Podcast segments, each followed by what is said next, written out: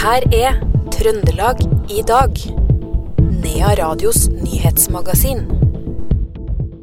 Statsforvalteren i Nordland forklarer hvorfor de velger å stenge snøscooterløype i Tydal. Og eieren av Kaffe og Kanari, virksomheten på Singsås som brant etter grunnen natt til søndag, sier at det kunne ha gått mye verre. Det er noen av sakene i Trøndelag i dag, mandag 20. februar.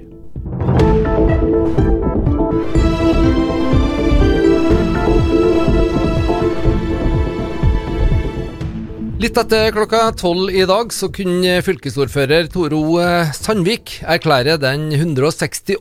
Rørosmartnan eh, offisielt åpna. Riktignok tre år på eh, overtid. Sandvik syntes det var stor stas å få være med på det her foran tusenvis av tilskuere på den solfylte Malmplassen. Fantastisk. Jeg har gjort det før òg, i 2007, så det var andre gangen. Det var litt kaldere, da, men det er en fantastisk stemning. Og så var jeg jo litt sånn spent på om folket kommer tilbake, om de har fått seg nye vaner etter pandemien. Men eh, det viser seg jo at med været og ikke minst alle frivillige og kulturen på Røros nå, så er de jo lokka fram. Det var jo stappfullt her. I hvert fall på åpningsseremonien. Tror jeg fortsatt likte det? Ja, det håper jeg. og håper nå får de skitt i pengene og uh, driver med rulling rundt omkring under hele vartnene. og At det skaper stemning, og at de er hjemme og ivaretar det levende kulturminnet som det er. Det er jo fantastisk, og ikke minst med alle hesteekvipasjene som kommer inn nå. Med den tradisjonen som holdes i hevd, som er en del av bær hele kulturminnet rundt Bergstaten. og Fantastisk de som kommer helt ned fra Falun ikke sant? og ja, fra Trøndelag og nedover Gudbrandsdalen og Hedmark.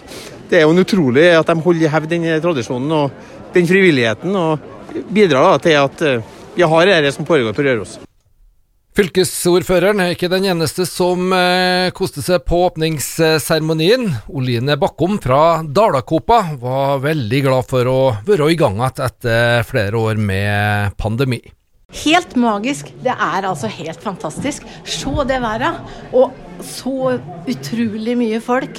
Og så mange som har lengtet etter at Martan skal liksom komme tilbake. Etter denne koronatida er dette her bare helt utrolig. Så det var veldig deilig følelse. Men, ja, men du, har, du, har, gjort det før? Du har stått på åpningsseremonien ja, på Martland før, så du visste ikke hva det gikk ut på? Ja, ja. Jeg har gjort det, vet du. Blir det annerledes i år? Også at det, eh, det er jo tre år siden sist, da.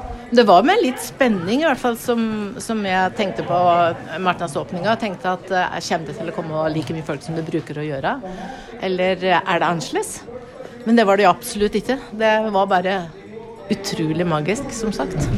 Dalakåpa har eh, konsert i Martnan. Betyr det at uh, Oline òg har adresse Røros de nærmeste dagene? Ja, det har jeg. Heldigvis. Hele uka. Ikke bare oppdrag, du får kose deg litt òg? Ja, jeg skal passe på å gjøre det.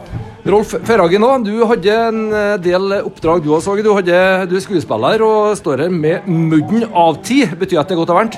Det var veldig varmt i mudden. og Det var været, sola og folket. Det blir jo varmt bare å se.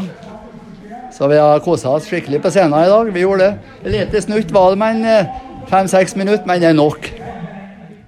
Det sa Rolf Ferhagen helt til slutt der. Hørte også Oline Bakkom fra Dalakåpa, og aller først da innslaget Tore O. Sandvik, fylkesordføreren i Trøndelag. Og med det her så er altså den 168. Rørosmartnan i gang, bare helt fram til og med lørdag.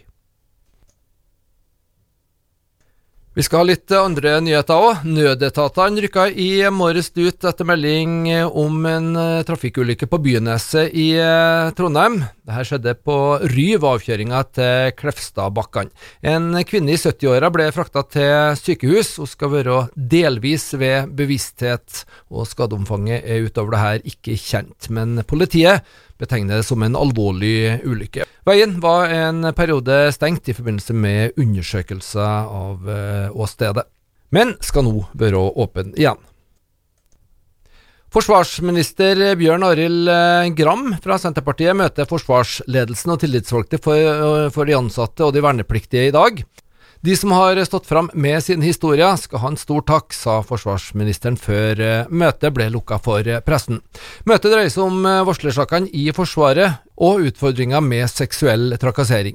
Bakteppet er NRKs avsløring av utbredt seksuell trakassering og overgrep i Forsvaret. Så til russetida, som bør flyttes til etter eksamen. Det sier Høyres ungdomskandidat til fylkestingsvalget, Vegard Sem, til Adresseavisa. Han får støtte fra Kent Ranum, Høyres ordførerkandidat i Trondheim. Også russepresident Julie Nikolaisen på Tora Storm videregående skole støtter forslaget. Rusten kjenner på mye uro med tanke på eksamen.